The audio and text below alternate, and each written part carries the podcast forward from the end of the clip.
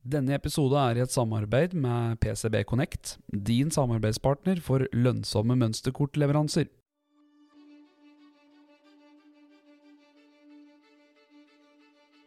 Gå veien sammen med dem. Og være en omsorgsperson, være en støttespiller, være en uh, voksenperson, være en kompis, være en bror, en søster. Altså.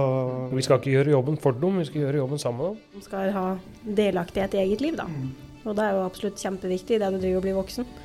For uh, idet du blir 18, så er du jo på en måte voksen. Men uh, vi skulle alle kanskje ønske, når vi ble 18, å ha en litt sånn kompis og støttesetter som har vært der før, da. Ikke være redd å stille ungene dine det spørsmålet. Eller gå og mistenke over lengre tid og bygge opp masse aggresjon eller uh, uvitenhet om hva som foregår om kvelden. Bare ta det med en gang. Du hører nå på Team Up podkast. Mitt navn er Espen Haug, og i et samarbeid med Team Pelse AS har vi nå laga denne podkasten nettopp for deg. God fornøyelse. Velkommen. Velkommen, ja. Episode nummer ni. Jeg kjenner at jeg er litt sånn nervøs i dag. Jeg, har litt, jeg er litt sånn sommerfugl i magen. Eller er litt sånn øh, Følelsa sitter litt utapå i dag, kjenner jeg. Det er litt sånn spesiell episode i dag. Vi har Mm. fått liksom besøk litt langveisfra Mm. I dag. Vi har sett veldig pris på at han har kommet. Mm. Stian Falk, Mm. Hei, hei. broren til Steffen Spira Falk. Han er det mange som har et forhold til. I hvert fall lokalt, men òg innover i Oslo og i utland. Og Litt utafor kommunegrensa, for å si. det. Han har satt sine spor. Mhm. Det er litt sånn vanskelig å, å kjenne hvor jeg skal begynne eller hvor vi skal begynne i dag. Det er så mye å ta av. Altså, Steffen var jo en, eh, en fyr av mange lag. Og, og du Stian, du har jo, jeg vet at du har fått en del forespørsler i det momentet som Steffen eh, gikk bort, eh, om å si noe eller kommentere i noen aviser og sånn, men du har valgt å ikke gjøre det. og Derfor så er vi veldig ydmyke og, og glad for at du har kommet i dag. Du har jo faktisk tatt deg turen helt fra Trondheim. Stemmer ligger på hotell i natt og tatt deg fri fra jobb og alt for å være med her i dag, så det setter vi jo jævlig pris på, da. Vi har jo en ganske lang historie med Steffen sjøl og vi, så det blir en ganske sånn sterk episode, tror jeg. Du er jo storebroren av Steffen. Eh, Vi har jo alltid kalt den Steffen for lillebror eller bror, eh, men du er jo den ekte broren. Eh, Og det har jo vært noen tøffe tak å være broren til en Steffen, vil jeg tro, men òg veldig fint. Mm. Um, jeg vet ikke om vi skal begynne fra begynnelsen. Ja. Altså, jeg, egentlig så husker ikke jeg helt sånn Da møtte vi en Steffen, men, men han var noen år yngre. Altså, vi var jo en gjeng på en fire, fem, seks gutter eh, nede i byen her. Og på et eller annet tidspunkt, så um, når Steffen var bare 16 år, så, så begynte han å henge med oss. Og jeg, jeg husker ikke helt liksom, når det skjedde, men det bare skjedde. Og det det var litt jo- sånn som en Steffen var. Ja, er en gjenganger med Steffen der, da. Ja. At det spiller ut noen rolle hvem han møter. For han uh, kommer jo blir jo tatt inn i varmen uansett han kommer. Ja, for det var litt spesielt med han, for dette, han var rundt 16, og vi var jo 20 typ når vi møtte Jeg er jo like gammel som Steffen. Ja, du er like gammel, men eh, vi, jeg og mine kompiser var litt eldre, og vi jobba i døra og litt sånne ting. Og eh, jeg husker at en Steffen, han vi slapp liksom alltid inn Steffen. Han, han gikk utafor alle regler. Altså, av en eller annen grunn så, så ble vi så glad i han, eller han ble sånn eh, Han var bare en del av oss. Han var en humørspreder. og det var bare et eller annet van Steffen som gjorde at vi tok han til oss, på en måte. Og han ble hva skal jeg si, på mange måter maskoten vår, holdt jeg på å si. Han var liksom sånn Alt var greit men Steffen. Han var liksom med og, og hadde bringte godt humør inn i, i gruppa. Og satt jo allerede da og skrev og skrev og skrev tekster og, og sånne ting. Men Hvis vi skal starte litt fra starten, da, kan ikke du fortelle Stian om hvem du er, og hva du har drevet med, og hvilken rolle du har hatt, og Steffen har hatt? Og, for dere er to forskjellige typer. Ja, vi er jo det, på mange måter. Mm. På mange måter så er vi ganske like òg. Mm. Jeg kan jo først begynne med å si at eh, tatt turen ned hit, ja. Det er jo en selvfølge. Dere er jo gode venner av meg, og dere var jo brødre av min bror. Mm. Så det har det aldri vært noen tvil om. At hvis jeg skulle si noe, så, så er det her. Mm. Eh, Jeg kjenner meg at i Steffen og jeg, han, er jo, han var jo alltid Det er jo to år mellom meg og Steffen. Jeg er to år eldre. Men han har jo alltid vært med meg, og gjerne mine eldre venner. Altså, han har aldri nøyd seg med folk på egen alder. Han har, eh, var alltid litt større enn han var. Og han var jo veldig morsom å være med, så han hang jo absolutt med. Så han har vært eh, sulten på livet fra ganske liten av. Så vi har jo vokst opp eh, sammen, vi. Eh, vi. Den tida som dere snakker om nå i Gjøvik her, så var jo jeg litt med òg. Eh, vi har jo felles venner, vi òg, så jeg husker jo vi var litt Men han er jo den som gikk all in, da, for å si det sånn. Han kjente liksom alle, da. Ja, han gjorde det. Eh, litt kjent, kjente da. ja. Eh, har litt sånn artig episode fra den tida der da, som eh, jeg lærte noe veldig bra av broren min. For at han, eh, det var jo sånn det var. At eh, jeg tror vi satt på et Ja, jeg husker ikke om vi satt på en fest, eller i hvert fall så snakka vi Var det så vidt jeg snakka litt sånn stygt om en type som jeg ikke visste hvem var. Eh, sikkert litt sånn du gjør når du er i 20-åra, litt tøff. Og, og da fikk jeg en helvetes kjeft av Steffen. For han lurte på åssen i helvete jeg kunne si noe stygt om han der. For jeg hadde aldri møtt han med. Og han hadde møtt ham en gang, da. Han mente at han var kjempetrivelig kar. Så det var litt sånn Steffen i et nøtteskall. Mm. Han eh, kjente alt ifra fra topp til bunn, og var en veldig lett person å like, da. Jeg husker på en tid, Uansett hvor jeg snudde meg hen, så var støtten Steffen der. Altså, Ja. altså, han var med på alt Ja. hele tida. Og om hun var bedt eller ikke bedt, eller om det var avtalt eller ikke avtalt Hvis, du, hvis jeg snudde meg rundt, så sto Steffen der. Ja. Altså, han var med, var med på alt. Mm. Og han hadde et sånn karakteristisk uttrykk i ansiktet og en latter som liksom du hørte overalt. Og vi hadde det så mye morsomt med at han liksom var rundt oss, og ja, alle ble så glad i ham så fort. da. Ja. Mm. Han var lett å like, og så var han veldig Han uh, hadde stor respekt av alle. Jeg tror det er det jeg minnes best om at han uh, Derfor var så lett like. For han dømte ingen. Uh, det er det jeg har tatt med meg mest fra han videre, da, eh, opp gjennom åra. For sånn var han. Mm. Eh, du kommer langt med det. Han eh, var jo også tidlig ute i avisa, mye avisa. Han begynte med å skrive tekster og begynte å rappe i ganske tidlig alder. Og han var kjent for Toten-dialekta si og hele den biten der. Men han gikk liksom den retningen, og du tok en litt annen retning sånn karriere, karrieremessig. Var det ikke litt uh, forskjell på deg der? Jo, han begynte jo å interessere seg for musikk tidlig, han Steffen. Mm. Uh, Før det så hadde vi jo fotball som felles interesse. Jeg fulgte jo på fotballbølgen. Jeg var jo sånn passe god en gang i tida, men det gikk jo fort nedover, det. Du var ganske god du, Stian. Ja, Jeg har spilt med deg til og med en gang. Ja. Så jeg var vel et av mange millioner talenter som aldri ble gode. Men jeg satsa i hvert fall noen år til. Men jeg fortsatte fortsatt å henge litt med min bror, og vi hadde jo mye felles venner, deriblant dekk. da. Mm. Eh, kanskje ikke like mye som han, men han eh, eh, Og så på et tidspunkt der så ble vel jeg litt, eh, litt større, og så begynte jeg å jobbe innenfor psykiatrien. Eh, og da var det en naturlig brems i mitt eh, ungdomsliv, da, skal jeg si. Eh, var det. Eh, men Steffen fortsatte, og han lagde jo musikk hele tida. Og så er jeg litt usikker på når jeg fant ut altså Han brukte jo nok tekster, altså skriving av tekster brukte han som en type terapi. Eh, men jeg er litt usikker på når jeg forsto det. Men det var tidlig det at jeg skjønte at eh, Men det er som du sa, han skrev jo hele tida. Ja, for vi forsto det tidlig, for allerede når han var 16-17 år, og han eh, var med oss Vi må jo være ærlige og si òg at når han var med oss vi, vi var jo ikke noe godt miljø, egentlig. Altså vi, vi festa mye, og vi rusa oss, og vi, det var mye styr og ståk. Eh, men Steffen var liksom alltid med, og så husker jeg liksom på, på nachspiel og alt sånt, så satt han hadde alltid med seg skrivesakene sine. Og han, Mm. han satt alltid og skrev. Og han drev alltid og liksom Hør nå, hør nå, hør nå. Mm. Og hadde skrevet noen tekster og vers og sånn som han gjerne ville eh, si til oss og vise til oss og sånn hele tida. Mm. Og så Han hadde denne drømmen. og sånn Spira var han jo fra dag én. Det navnet har han jo hatt med seg hele tida. Mm. Uh, og så husker jeg òg at han hadde sånn Det var jo så mange som ville bli rappere på denne tida der. Mm. Så vi, vi tok han egentlig ikke helt seriøst. Altså, han var liksom en av mange som liksom var hiphoper og sånn og sånn. Og vi liksom vi støtta han jo liksom er bra, Steffen', og sånn og sånn. og Mm. sånn. Men den skilte seg litt ut ifra de andre på, at han levde i det støtt. da. Ja. Altså, han, han la det aldri bort. Og han prata om denne kulturen, han prata om musikk, han prata om tekster og skriving hele tida. Mm. Jeg husker jo liksom at når jeg, hadde lagt meg på nachspiel og sånn, så kom han inn på rommet mitt helt i fyr og flamme klokka fem om morgenen eh, og vekket meg. 'Lars, Lars, Lars, Lars, hør nå! Hør nå!' og da hadde han skrevet den der Noe spesielt-låta, og Ja, ja. be for meg og sånn, som han liksom kom inn og skulle drive og vise meg og vekke meg. Jeg skjønte jo ikke hva som skjedde, eller noen ting, men da hadde han sittet for seg sjøl hele natta da, og skrevet, og var liksom veldig opptatt av å vise fram hva han hadde gjort. Og Ja, han skilte seg nok ut på den måten at han hadde en ekte passion for musikk. da. Og Det er vel derfor den kom seg videre framover etter hvert. da. Så du ble, Han ble nok respektert i rappmiljøet i Norge òg eh, etter hvert som altså han ga seg aldri. da. Eh, så det kommer jo noe bra etter hvert da.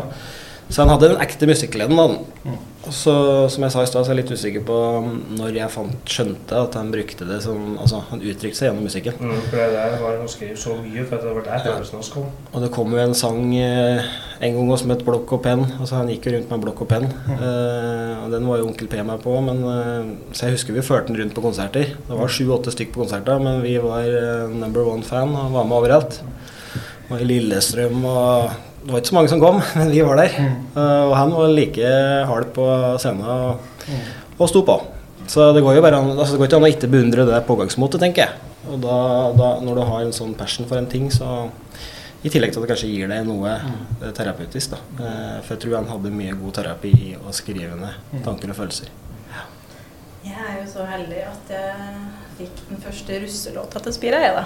Ja. Han skrev russelåt for oss. Husker vi betalte 5000 kroner. Han eh, ga jo alt i den låten. Så det var Mm. første jeg snakka med han. Det var gjenganger, det. Ja, sprek som Men det er litt sånn dere prater på det, følge drømmen sin og prater på å jobbe hardt for noe. Mm. Og han var jo desidert en av dem. Altså, Ja. Ikke bare i ren karrieremessig sånn skoledag og sånn, men han var jogge standhaftig på han der å spille inn sanger og få det ut. Men han ga seg aldri, og så var han spesielt med Toten-dialekta si. Det var aldri noe tvil med han hva han skulle bli. Altså, han hadde ikke øya opp for noe annet. Han orka ikke noe vanlig jobb, han orka ikke skole. Det var liksom, det eneste som sto i hodet på han, var musikk. Og festing. Jo, ja, og så hadde jo noen jobber ved sida av i perioder, for det, men det holdt ikke så lenge. For det er liksom det er litt sånn musikerlivet. Det blir sene kvelder, og du sitter oppe på natta. Mm. Så det er jo en litt sånn, litt sånn farlig miljø òg. Mm. sånn eh, tradisjonsmessig så vet jo folk at er du musiker, så er det litt sånn Så han endte vel over fort der, tror jeg. Mm. satt på natta og skrev, og sov på dagen. Eh, det er litt sånn bransjen her, tror jeg. Så han hadde jo noen jobber som han holdt på. Jeg hadde jo noen samtaler med han jeg òg tidligere der at eh, det er greit å ønske noe, men så må du kanskje kombinere det med en jobb og ha det som en hobby. Sånn som min fotballkarriere, f.eks. Jeg kunne ikke gå rundt og trikse til jeg var 30 heller. Eh, Men eh, han brant så jævlig for det, og det, det var vanskelig å si noe på det. Mm. Og så var det vanskelig å tro på at en 17-åring fra Gjøvik, som var en sånn eh, eh, jovial, klovnete type som var her, skulle liksom bli det en blei, da. Ja. Altså, vi, vi backa han jo på det han dreiv med, holdt jeg på å si, og syntes det var kult at han reiste rundt lokalt her på, på bygdelag og på lokale puber og drev og opptrådde og sånn. Men, men vi så jo for oss at det, liksom, at det var det det kom til å bli, på en Ja. måte. Vanskelig bransje å lykkes i. Men ikke i huet hans. Nei, han øh, hadde ikke tenkt å gi seg. Og det er jo kult å se noen med et sånt engasjement, uansett hva det gjelder, tenker jeg da. Eh, Sjøl om du ser at eh, ja, det går opp og ned. Han produserte jo utrolig mye. Det er det jo mange, mange folk jeg har snakka med og sånn innenfor musikken, at han produserte jo ekstremt mye. Og da traff det jo blink innimellom. Mm. sånn følte jeg det var, da. Mm. I forhold til min musikksmak så syns jeg det kom mye, mye, mye, men så plutselig kom det noe bra. Så, men for ham så tror jeg det hjalp bare å produsere. Mm. Og det gjorde nok til at han hadde det bedre òg, tror jeg. Han hadde ikke noe ro i sjela uten musikken. så var det en del av miljøet vårt, og det miljøet ble jo etter hvert ganske hardt. Eh, men Steffen var alltid, som vi sa, liksom bare en del av det. Altså Det var mye bråk og slåssing og rus og sånn, men han var aldri sånn som type som slåss, eller som holdt, men han var alltid der. Og han var alltid bare blid. Han var ikke prega av det. Han ble aldri redd når det skjedde noe. eller noe sånt. Han var like blid hele tida, men han var alltid til stede. Og han eh, var jo med på mye hendelser og mye rart, men eh, som sagt bare en en del av gjengen uh, som en sånn uh, moralsk støtte, holdt jeg på å si. Eller sånn der, eh, som fikk oss til å le. Og, og det var liksom, det var aldri noen som klarte å være sinte på en Steffen. Altså, han var en del av et miljø med mye intriger og krangling om mye greier som er, helt, uh, som er i dette miljøet der. Men Steffen var liksom aldri noen som var sinte på han. Og Nei. Og han sov jo på sofaene våre hele tida. Han åt maten vår, så han hadde jo aldri penger. Altså Han var sånn sofasurfer, og, og liksom, han var jo kjent for å, for å høsle og få en hundrelapp her og en matbit der. Og når vi var ute på byen, så liksom kom Steffen støtt og liksom «Ah, 'Kan ikke jeg få en burger òg? Kan ikke jeg få en halvliter òg?' Han hadde aldri noe fast bosted, men det òg var litt sånn Steffen. Han har liksom levd livet på veien. Eller han har liksom bare vært sånn rundt omkring og trivdes godt med det. Og, og farta rundt blant oss kompiser. Og Jeg tror musikken bare drev inn. Altså. Det var ingenting annet. Eh, og med det hører jo festing og ha det moro. ikke sant? Men eh, jeg tror bare det var det som sto i på. Altså kun musikk. Jeg husker det med Steffen, hvis han hadde, så var han alltid sånn hvis han hadde 200 spenn, Mm. Og jeg mangler bensin på bil, så fikk jeg 100 da. Ja. Slik var det sett. Hadde Mm. 40 spenn nå, han skulle ha seg cheeseburger, liksom, Mm. så kjøpte han det òg. Ja. Han var alltid slik. Mm. Delte og det ble jo en sånn greie til slutt. At han, mm. sov så på sofaen vår, Og, og Mm. når jeg kom igjen fra jobb, så hadde han spist maten i fryseren. Og så, og så sitter han i sofaen med dette gliset sitt når jeg kommer igjen fra jobb, og så har han tømt fryseren, f.eks., Og så sitter han der, og så flirer han, og så greier du ikke å være sur på han. Nei, det- han du fikk lyst til å bare gå bort og ta tak i kjakan hans, og så Ja. bare sånn. Riste litt, ja. Og så har du jo slik her, hvis du spurte om å låne en hundrelapp av deg, så jeg ga greit, så fikk han hundrelapp, og så sa han at du er helt klar over at denne får du aldri av. ja. Han var ærlig på det. Ja. Aldri noe tvil der. Nei, det var nok litt sånn det var, ja. Mm. Men i dette òg, så så jeg merka jo at en Steffen eh, han var likevel litt annerledes. Altså vi, vi rusa oss liksom opp og på fest og sånn. Men vi så jo ganske tidlig at en Steffen eh, rusa seg en del ned. Han rusa seg en del aleine. Eh, og første åra så hadde han jo et veldig sånn jovialt, klovnete uttrykk. Han var veldig blid, veldig uh, Alltid gliste, alltid var i godt humør.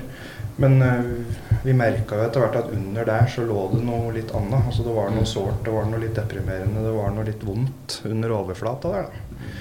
Og det, det så vi jo til tider. Og vi var jo ofte vi fant den igjen i leilighet der han hadde sittet og spist piller eller røyka hasj og sittet og skrevet musikken sin og, og var nedfor, da. Um, så vi så jo det. Um, det ble etter hvert mer av det, mer av det, holdt jeg på å si. Men vi så det ganske tidlig at det var to sider av Steffen. da. At han bærte med seg noe smerte og, og sleit litt med ting. Mm. Jeg vet ikke hva du merka av sånne ting. Nei, altså nå tenker jeg, nå må vi være inne i en tid hvor vi har skilt litt veier, da. For jeg flytta jo Jeg ble jo pappa når jeg var eh, 25. Og da flytta jeg til Trondheim. Eh, Det var ingen spesiell grunn til det, men jeg har familie der og trivdes godt i Trondheim. Så jeg har jo hatt veldig god kontakt med broren min hele veien. Men uh, han var jo en smarting, så han har jo skåna meg for mye. Uh, har han gjort. Så når jeg snakka med han, og traff han når jeg var nedover, så har jo jeg merka en kurve som har gått sakte nedover òg. Men som sagt så har han skåna meg, eh, så han skjønner nok at jeg vet. Men det ble jo, vi ble jo, treftes jo mindre av naturlige årsaker. Jeg har med kids ned liksom, og, og han kanskje har vært på kjøret et par dager. Og, så det ble sånn når vi snakka mye på telefon og sånn, da. Eh, så, så, jeg hadde jo avstand egentlig fra den tida her oppover. Eh, men snakka mye med han. Eh, og spesielt om musikken og livet. Og, Men han skåna meg for alt. Og det tror jeg kanskje han ga uttrykk for at dere òg. At han eh, var ikke så interessert at jeg skulle bli blanda inn eller eh, vite noe eller Så sånn var det jo i mange år. Eh, og så har jo jeg jobba i eh, Kan du si det òg, at jeg har jo jobba i psykiatri og rus i mange år. Jeg begynte jo med det tidlig. At jeg, ja, før jeg dro på, men etter at jeg dro på.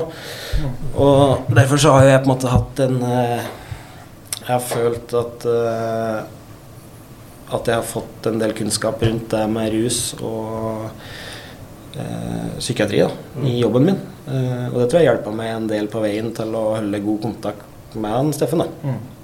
Så jeg har lært meg litt For jeg, jeg, kanskje tidlig så, så nevnte jeg vel litt på hva jeg syns om rus og sånne ting. Men jeg var ikke noe særlig happy for det. For jeg tenker at eh, de fleste som ruser seg, vet at det er dumt sjøl. Og det er noe jeg har lært meg gjennom jobben min i hovedsak, men som har hjulpet meg i forholdet med bruden min. da. For hvis jeg tråkka han litt på tærne og sa at han måtte oppføre seg, så, så visste jeg at det kunne gå to måneder før jeg snakka med deg. sant? For da ble han jo sur og fornærma, og han vet jo bedre enn alle andre hvor dumt det er. Så vi hadde med sånn kameratslig tone, og han kunne spørre uh, meg hvis det var noe. Han visste hva han kunne spørre meg. Han spurte meg ikke om ting som han, eh, som eh, var for vanskelig for meg til å hjelpe med. Og da tenker jeg at eh, For han var ganske smart, Ja. eh, så han skåna meg, han. Eh, så hadde vi et sånn forhold. Og da tenker jeg Det føler jeg er en av de tingene jeg har god samvittighet for i dag. For jeg tenkte at eh, hvis han trengte hjelp, eller ønska ut av noe, så visste han at jeg var der. Mm. Men det hadde jeg ikke gjort hvis vi hadde vært uvenner. Så sånn har jeg gått i mange år. Mm. Og opprettholdt god kontakt. Og en eh, eh, kameratslig tone. Ble det sånn noen ganger der at du tok kontakt med han som eh, litt mer som sånn jobbrelatert? At du tok kontakt med han i, i håp om at du skulle få nå fram med dette med rus? Og så ble det så det ble liksom blanding med kontakten mellom at du brukte litt jobben din inn i eh, kontakten Nei, jeg gjorde det egentlig ikke det. Men, men hver eneste gang jeg snakka med han, så, så, så følte jeg jo på stemninga i forhold til å si noe om eh, Ja. eh, Men jeg tror at eh, det har vært dumt av meg å dra den noe lenger. For jeg, jeg vet at han visste at jeg var der hvis han trengte hjelp. Mm. Og jeg er av eh, Nå vet jeg åssen det er med dekk, men min oppfatning er at hvis noen skal ut av noe sånt, så må de ønske det sjøl. Ja, og hvis de ikke gjør det, så kan du egentlig bare glemme det. Mm. For det er helt umulig. Du får ikke hjelp noen som ikke vil ha hjelp. Nei. Så du må være der og være der og være der. Eh, Jeg tror ikke du skal gå og mase på at eh, å, nå må du hjelpe, nå må du gjøre det, nå må du gjøre det, men vis at du er der. Mm. Eh, Så det er den rollen jeg har hatt. da. Mm. Så jeg gikk ikke direkte inn på noe faglig i forhold til jobb, okay. men jeg hadde den tilnærmingen til den. Og det tror jeg, tror jeg han visste. Og vi så jo den der destruktive atferden hans, holdt jeg på å si. For vi hadde kunnet feste hardt i mange dager, f.eks. Og så hadde vi på en måte noe opphold der vi gjorde noen andre ting.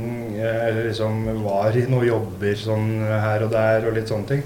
Men han Steffen han slutta aldri. Altså han, eh, han eh, når, vi, når festen var slutt, så satt han seg til og liksom røyka hasj. Eller liksom Mm. han holdt det gående eh, på, en helt, på en litt sånn annen måte enn det vi andre gjorde. da. Og han gikk inn i sin egen boble og satt med sine ting. Og så plutselig var han ute av den bobla og var med på festen igjen, holdt jeg på å si. Men, men det var et eller annet sånn destruktivt der som, som kom ganske tidlig, da. Mm. Eh, og når vi var på fest og sånn, så han, uh, han dro den jo helt ut. Altså vi ofte vi måtte bære den hjem igjen. Husker jeg kom hjem igjen fra byen en gang, og så lå han i fosterstilling utafor døra på leiligheta mi. holdt jeg på å si, Og han måtte liksom hjelpe den inn og få lagt den. og han dro det ganske langt innimellom, da. eh, sånn destruktivt. Mens vi andre liksom var der, så var han liksom Mm. havna inn i litt sånn depressive greier og sånt innimellom.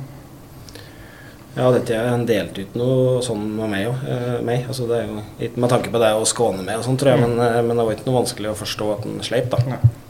Låta så. Ja. Altså, du merker det på låta så. Mm. At, den, at det ble liksom mer og mer litt mer sånn inn på det At det var sånn depressive følelser som skulle fram. da For det var jo sånn gjenganger inn at du hørte veldig mye på låta sånn som humøret Steffen var i. Det var som Hvis man hadde hatt noen dårlige dager, så Mm. skjønte vi ikke helt hva det var. Og plutselig etter en par dager så kom det en sang om en kjærlighetssorg eller et eller annet. Ja. Og da skjønte vi hva det var. Mm. Så han uttrykte seg, som du sa, veldig mye gjennom tekstskrivinga si og låtskriv. Og mye av det han skrev, har jo aldri vært gitt ut, eller aldri. Men han har lest opp for oss, f.eks. Der, vi- der han har vært gjennom tunge perioder, og så har han nesten lest det som et dikt. ikke sant? Eller bare for å få ut uh, hva han sto i. Den som hører mye på Spira, kan vel egentlig høre en sånn eh, kurve som går hele veien. Mm. som det går an, og Hvis du kinner den, så ser du eh, kurven litt òg. Mm. og så er det som du sier, det er utrolig mye folk som har tatt kontakt. eh, for det ligger mye musikk, mye uskrevet materiale på PC-er her og der. Det er jo en jungel for meg å ta tak i det, men eh, som sagt så har jeg liksom begynt å tenke litt på det nå. Eh, Jeg fikk en forespørsel senest i går. Ja. En som satt på en del materiale som en spurte om jeg kunne ta opp med deg i dag. eh, Ja. Om det i familien var interessert i å gi det ut. Det syns jeg òg er eh, Det som har vært litt viktig for meg, da, hvis jeg skal si noe om eh, Si noe om eh, eh, Altså når han gikk bort, da. Det kommer jo brått på uansett, det. Eh, som jeg vil helst snakke for meg sjøl. Så som bror, så, så er det jo den Du går jo med en sånn indre frykt hele tida. Det har jeg gjort siden, siden kanskje vi skilte lag og jeg flyttet opp. og og vi andre ble litt mer voksne. Og, så du føler jo på den frykten for at noe skal skje. Eh, og det gjør jo alle for broren sin. Eh, samtidig så har jo jeg et eget liv. Jeg har jo barn. Og, men det, det, er det hele tida, da. Så, men det, det kom brått på at den gikk bort. Det gjorde det. Eh, og når han var den personen var, når han gikk bort, så ble det litt eh, avansert, da. For det var mange, mye rykter og mye, mye folk. Ja, Han var jo en sånn person som utrolig mye, kjente utrolig mye folk. Både her på Østlandet, skulle jeg si, men i alle kriker og kroker.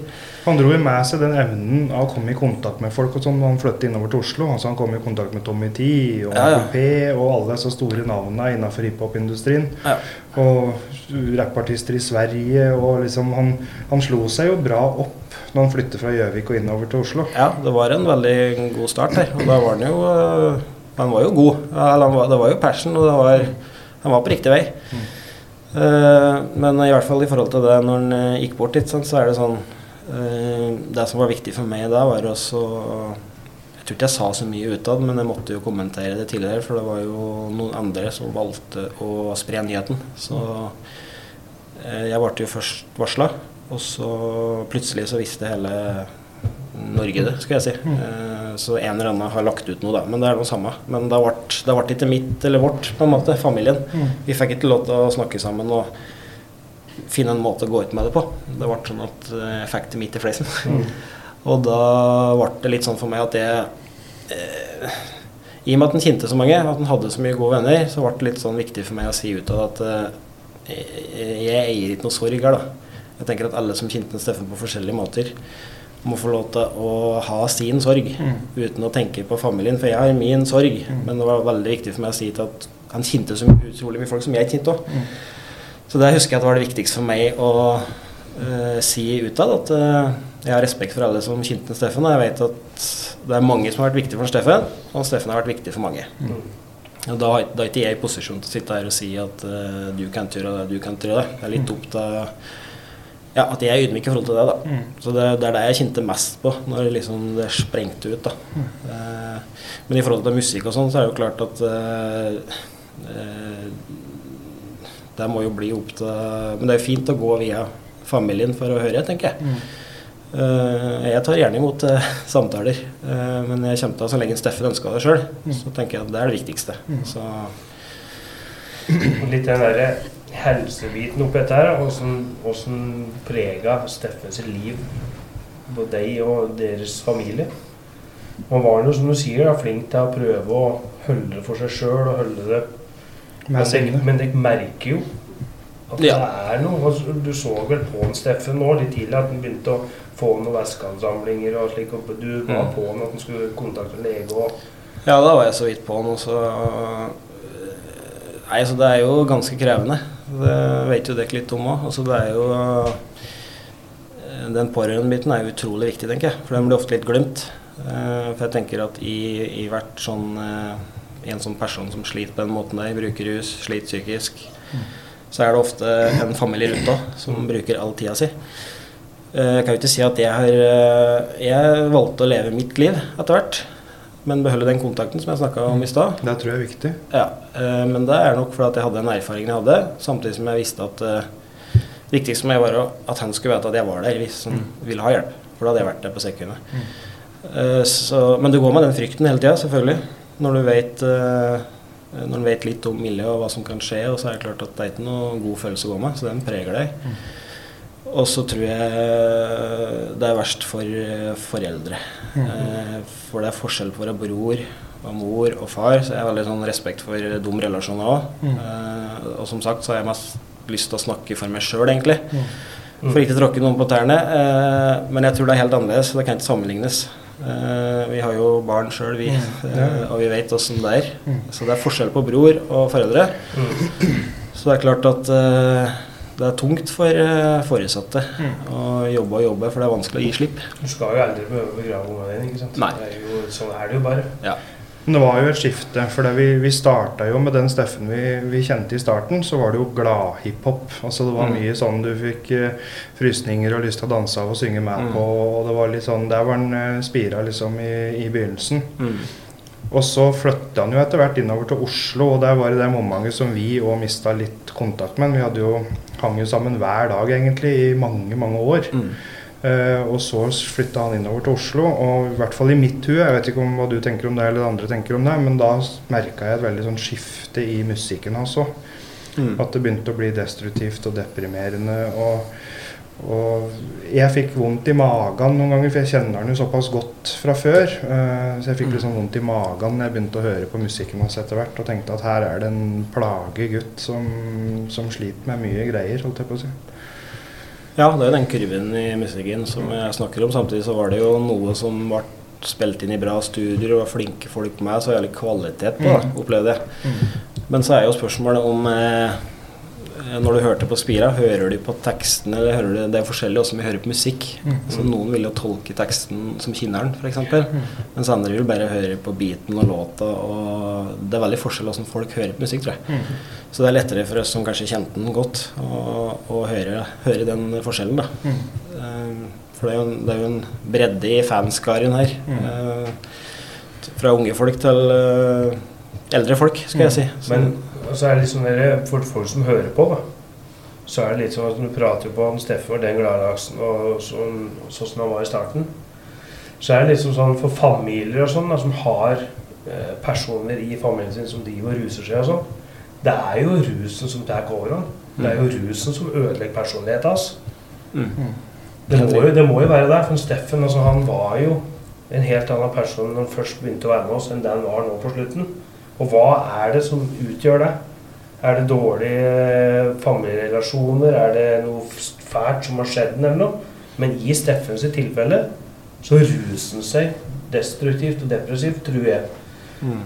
For det kan, altså, han havna jo inn i et miljø hvor det var litt som at det var sånn at de skulle sitte og ruse seg sammen og være pratepiss, liksom. Og eh, hva er det som skjer? Hva er det som egentlig skjer? Hvorfor blir han sånn?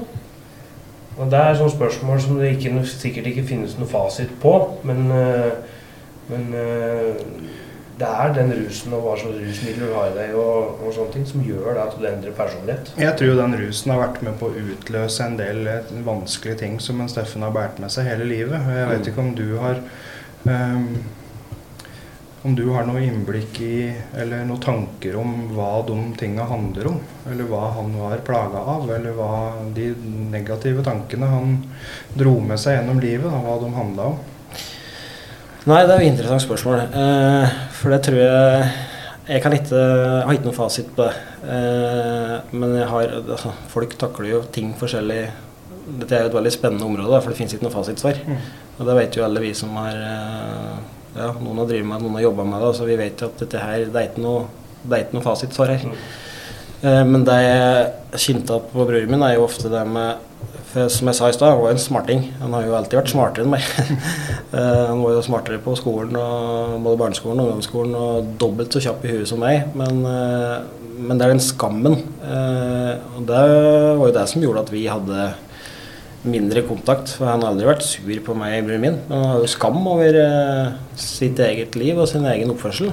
Og det er jo det som er kjempetrist. Ja, det er Kanskje det som er, som er verst i dag. Mm. At uh, han skåner jo meg ikke for at uh, han har noen utbytte av det sjøl, men han gjør det jo fordi at han vil jo ikke at jeg skal se det eller høre det eller Jeg vil jo bare, være, jeg vil jo bare få fram da, at eh, familier også, som sliter med barn eller unge som ruser seg, eller har det i nær familie, så må de være klar over det, at det er ikke personligheten deres som prater, det er liksom rusen som prater. Ja. Det er rusen som ødelegger personligheten din. Mm. Perso- Personligheten av Steffen var helt upåklagelig. Altså, Mm. var jo, han var jo kjempefin gutt, men Steffen var òg eh, lett å få med seg. Ikke sant? Han var alltid som skrev sanger og låter og tekster. Mm. Han var alltid lett å få med seg på en fest. Han sa aldri nei på en fest. Og sånn var det kanskje òg når han havner, i, havner inn i Oslo der òg. Så kan det hende at det er noen ytre påkjenninger der òg som var med å trykke den ned. Ja. For, for, for personligheten av Steffen den er jo, helt kjempefin. Tror du, han var, tror du den var rotløs og savna noe holdepunkt i livet? Altså, han hadde jo nesten aldri noe fast bosted. Han, eh, han eh, holdt seg jo Han, han var litt sånn flytende. Altså, han Ja, han var rundt jo- omkring alle stand hele tida. Han hadde jo adresse hjemme, så Mm. han var jo sine runder hjemme.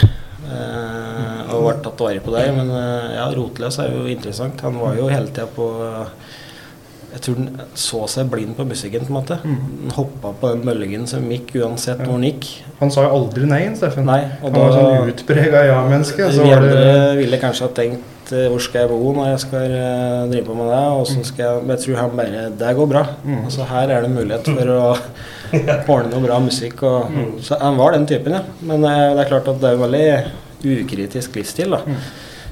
Men det kan jo være både rus og, og drive for å lykkes i bransjen. Uh, og jeg mista jo mer kontakt når han flyttet til Oslo. Uh, men det er klart, han har jo noen følgere her og der, og det er jo rykter og Så jeg snakka jo med han innimellom og vurderte hele tida for meg sjøl tilstanden, for jeg kjenner han jo godt. Så jeg kunne jo se på han og høre på han. Og så, videre. så han var og besøkte meg i Trondheim en gang så jeg tenker at uh, vi hadde jo kontakt. Men, uh, men det som var trist, aller tristest å se, var den der følelsen av at han sklei unna, men pga. at han skyldte på seg sjøl. Eller den skammen, da. Og den tror jeg er viktig å forstå, da. For jeg tror det er uh, Sånn som jeg har jo familiemedlemmer, jeg, eh, som nødvendigvis ikke har noe innsikt i det vi sitter og snakker om her. Eh, og de kan si liksom til meg at eh, lenger tilbake i tid, da eh, Faen, han begynner å bli voksen og ta seg sjøl i nakken liksom, og ta seg sammen. Men det er med, da har du da har du liksom så, ma- det er mangel på kunnskap. Eh, og den kunnskapen ønsker jeg å bidra til å få litt mer fram. da For det er ikke det det handler om i det hele tatt. Eh, Nei, for det er så far out du på hva du kan Ja, er si til en det. som har rusproblemer. Altså, Ja. Det går ikke an å ta seg sjøl i nakken. det var det jeg skulle fram til. Ja, ja. At det er rusen som prater. Altså, det er om du har en sønn som driver med dette, så betyr det ikke at du har vært en dårlig person. Nei. Men det er faen, det er rusen som tar overhånd. Det er litt der vi må prøve å få fram til de ungdommene å jobbe med òg. Mm. At de er så ukritiske til dette med å ruse seg og ha i seg noe. For de tenker at dette går fint. Men det er jo der litt av grunnen til at du sitter her nå. Mm. For at det er et praksiseksempel på at nei, det går ikke bra. Men Steffen òg kunne jo tenke at ja, men jeg lever livet og, og akkurat sånn, og ruser bort dårlige tanker. Og, og, Mm. og, og da har du automatisk med sjøl. Men enden på visa, Mm. Det er jo at du blir sjuk, og i verste fall så går det bort. Mm. Og det er så vanskelig for ungdommer å skjønne, og det er vanskelig for liksom, folk generelt å forstå det. Men vi som òg har eh, sittet i dette med rus og sånn, vi vet det. At det er, det er ikke noe god utvei på det. Det er jo mange av ungdommene våre også som sier at de bare ruser seg litt. Mm. Og det er litt sånn Ja, du ruser deg litt, og du begynner kanskje med det, men klarer du å innse når du ikke ruser deg litt, og når du har et problem? For jeg tror ikke det er så lett å se når du står i det. For det blir jo en del av deg òg. Det blir jo en del av identiteten din og den du er. til slutt. Og hvis du ruser bort alle vonde tanker og aldri lærer deg å takle menneskelig motgang og Det finnes jo flere tusen unnskyldninger for å ruse Ja, ja. seg. Altså, Ja. Det er ikke noe rart jeg ruser meg, for jeg har opplevd det, jeg har gjort det. Mm. Og I dag så skjedde det. Jeg fikk ikke til det likevel. Da ruser jeg meg litt i dag også. Mm. Og så i hvert fall men hvis jeg snakker for meg sjøl òg, det der skillet som du prater på der, men, men når du er avhengig og ikke, Mm. det, er, det er nesten umulig å se sjøl. Ja, Altså, de sier jo det at liksom når, du, når du utvikler en avhengighet, da, så vil jeg si at uh, rusen gjør at, uh, at du ikke klarer å på en måte opprettholde eh, forplikt, daglige forpliktelser, og det begynner å gå ut over daglig livsførsel, og du dropper ditt og dropper datt, og liksom at det er da du utvikler den avhengigheten. Men, men du, du står oppi det sjøl med en sånn falsk illusjon om at du har kontroll. At jeg trenger ikke å ruse meg i morgen, jeg skal bare ruse meg litt i dag. Men jeg kan la være i morgen hvis jeg vil. Mm. Og så kommer morgendagen, og så nei, men jeg ruser meg litt i dag òg, men jeg, jeg behøver ikke å gjøre det i morgen. Altså Det er så mange sånne ting, som du, sånne illusjoner, som du rettferdiggjør rusbruken din overfor deg sjøl. og det er det som er mest frustrerende også med å jobbe med det vi driver med. At vi vet hvor helseskadelig og skadelig det er. Selv om de, de klarer ikke å se det. Nei. Og Så det har vært blitt blitt sånn at det er så enkelt å få tak i. Og vi har jo også hatt samtaler med noen av ungdommene som har slitt med rus tidligere. Hvor de har liksom ruset seg litt, som de sier. Og da får de spørsmål fra seg føler at rusen har tatt overhånd. Så de sier nei. Og så plutselig en dag så kommer de at nå så får de spørsmål igjen og sier ja, det har han gjort. Jeg tror også det er lett hvis du ikke har et A4-liv med rutiner, at du må opp om morgenen. Hvis du ikke må noen ting, så er det lett å bare ta den lette utveien og dempe tanker og tankekjør. Og. Mm. Og Spira måtte jo egentlig aldri noe. Nei, han gjør ikke det.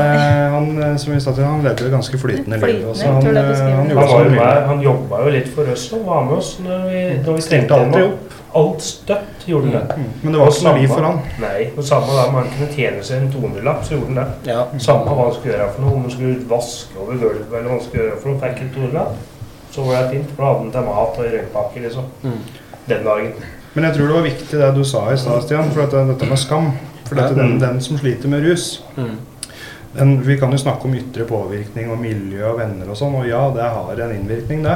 Mm. Men du sitter på en måte med valga sjøl, og du sitter med skammen og hva du ikke får til sjøl. Mm. Og du sitter med skammen og du sitter med rusen i hånda og veit hva du driver med og sånne ting. Ja. Så har du på en måte Du kan ikke legge ansvaret over på noen, for du, du har jo dine egne valg oppi det. Ja. Um, og det er det som gjør det så vanskelig. At du da uh, Jo mer du ikke får til, og jo mer du ruser deg og kanskje kjenner på hva det gjør med deg sjøl og andre, da, så graver du deg sjøl mer og mer ned i skam og utilstrekkelighet og Det er det jeg mener skjedde her. da, at jeg tror at eh, Når du først sitter og er mislykka og du føler at alt er dritt, så er jo veien andre kortere. Mm. Og da er det til slutt eneste utvei. sant? Du vil ikke blande borti, vil ikke snakke med meg. altså Du, du føler deg så mislykka. Da Mm. da er det jo enda lettere. Så tar du gjerne litt mer, og så bare er det en sånn jævla ond sirkel som er eh, Som er eh, ja, livsfarlig, rett og slett. Det er jo sånn med meg også, den rollen som jeg er, så når jeg prater med ungdommer flere ganger, jeg kan virke litt sånn tøff og litt hard når det gjelder ungdom å få på jobb og lek. Men jeg vet jo at du, antageligvis, hvis de ikke drar på jobb, så ligger de i senga hjemme. Og så har de dårlig følelse fordi de ikke er på jobb. Ja, ja at du får den Ja, at det blir så dobbelt opp. At egentlig så orker de ikke, og så ligger de hjemme med dårlig følelse fordi de ikke har vært her. Ja. Og det er den følelsen som jeg vil bli kvitt. da. Mm. At det er ikke noe unnskyldning hvis du liksom eh, har lagt deg for seint og sovet i tre timer. Det er ikke arbeidsgivers skyld, og det er ikke vår skyld at du, han er at han ikke orker opp på jobb. Det er hans egen skyld. Men det er at det, det blir bare mer destruktivt når å ligger ligge hjemme og tenke på at faen, jeg skulle ha vært der. Det er derfor jeg tror det som eh, dere driver med nå, da, det har jeg veldig trua på. For jeg tror Jeg har jobba som miljøterapeut i 13 år i eh, psykiatri og rus. Og da har jeg lært at eh, det som er veldig viktig for meg, da, uansett hvor mange bøker jeg har lest og mange år jeg har jobba, så kan jeg aldri forestille meg hvordan det er- å være rusmisbruker. Det er nummer én. Det er det første jeg må, det første jeg må være klar over, tenker jeg. Og det burde alle som jobber i den bransjen være. Det tror jeg ikke alle er, men jeg tror jeg du må begynne der. Og så må du ha veldig stor ydmykhet for den personen som ruser deg. Så må du ha en helt annen inngang enn å begynne med å fortelle at du må slutte å ruse deg. Jeg tror det er så komplisert og så avansert. Så jeg tror vi må få bort dere Det er vel bedre nå enn det var, men vi må starte der. For vi må bygge relasjoner. Og da, da kan vi ikke starte med å fortelle den personen hva han gjør galt. For det er, det er ingen som vet det er bedre enn den personen. må starte, må starte i helt Ja, andre enden. og det er nesten sånn grunn til å gi en grunn til å ta mer, for, å bare, for en påminnelse om hvor mislykka det er. da. Og det er jo forskjell også, vet du, på alle som har i seg rus òg. Det fins jo ikke noen fasit på at eh, hvis det er en person som har i noe, Mm. så er det den fasiten på, på å fikse han og ti til. Nei? Det er så individuelt, og det er jo litt av det vi, vi også satser på, er den tilgjengeligheten. Ikke sant? bare tilgjengelig for dem.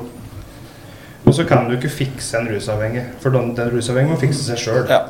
Eh, og jobben må starte innenfra, og jobben må starte med et ønske fra den som ruser seg, om at eh, jeg vil ha en endring. Og så må du ha folk rundt deg da, som kan støtte deg og veilede og hjelpe deg gjennom den prosessen. Ja. Men det er ingen som kan gjøre Jeg, jeg kan ikke gjøre en annen enn rusfri. Nei.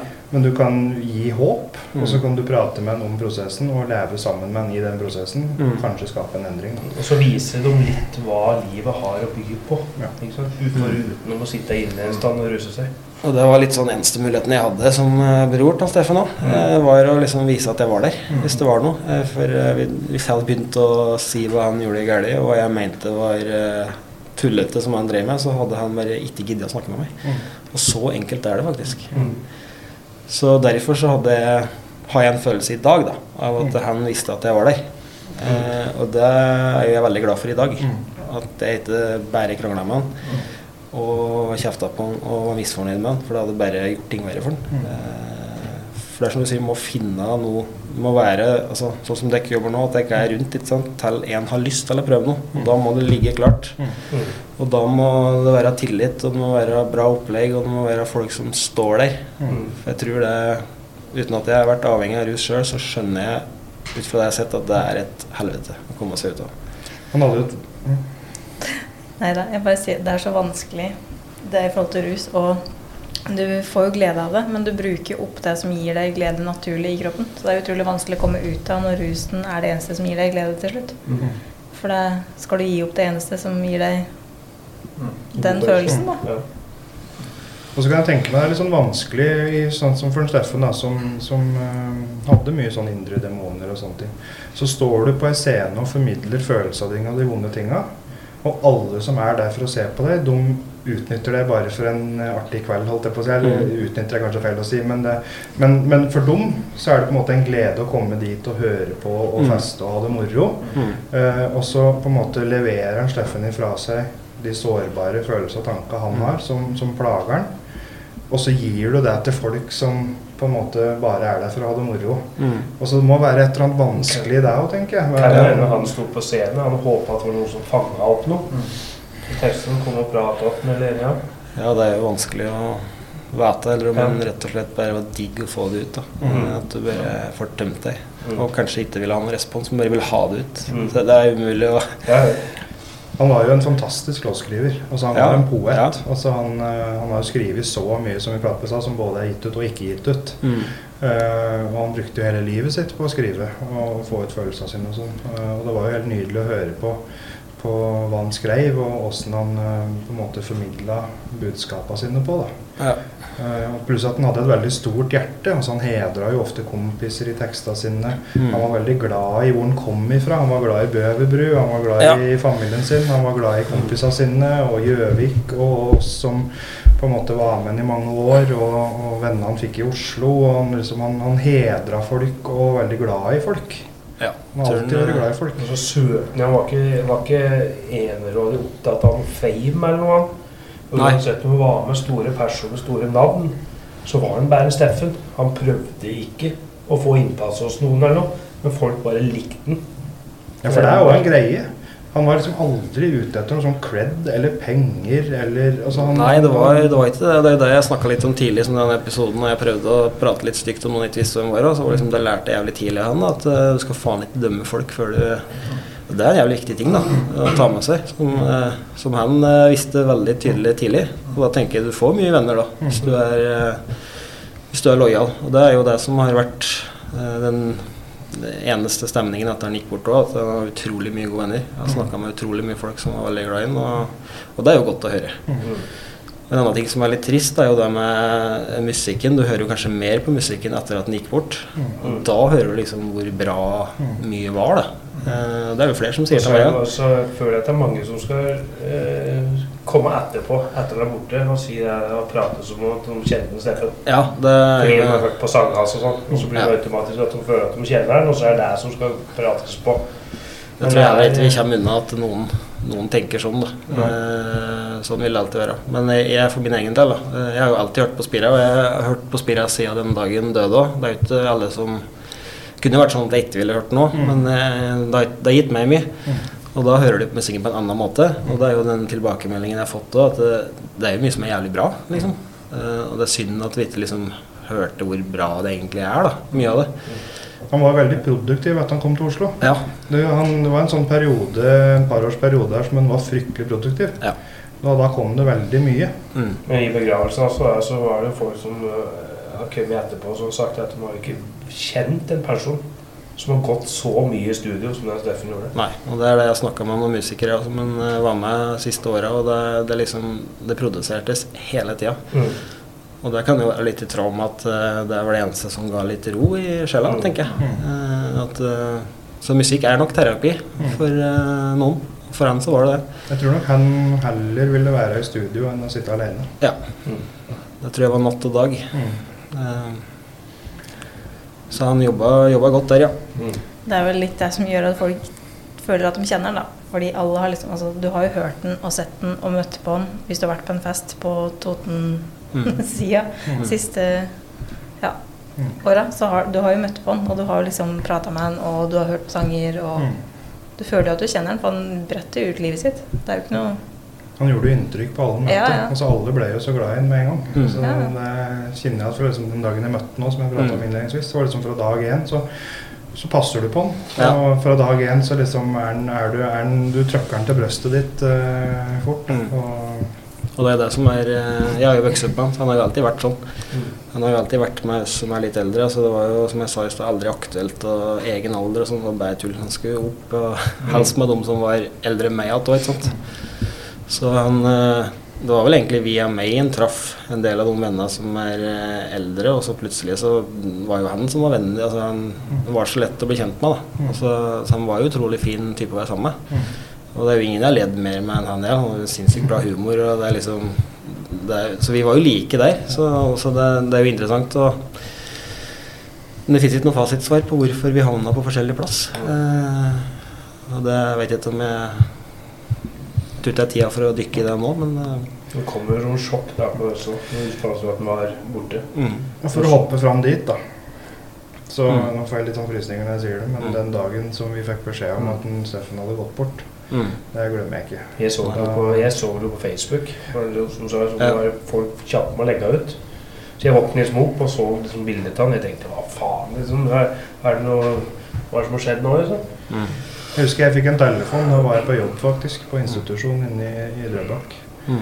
Når jeg våkner opp om morgenen og får en telefon at en Steffen har gått bort, Mm. da kjente jeg at uh, Og det tok jeg tungt. Jeg, jeg hadde ikke så mye med han å gjøre siste året. Det handler mye om dette med rus, og Mm. dette med at han flyttet til Oslo, og at jeg ikke er lenger, Ja. og har blitt familiefar. og Mm. Det var en del ting som ikke var forenlig der, holdt jeg på å si. Ja. Vi hadde jo noen kontakt og meldinger og sånn, men Og sånn blir det jo uansett etter hvert. Ja. Men uh, fader, det kjente jeg godt i, i hjertet. Mm. Og jeg husker da når jeg fikk den telefonen at jeg begynte å gråte på jobb og, og syntes at det var helt forferdelig. Ja.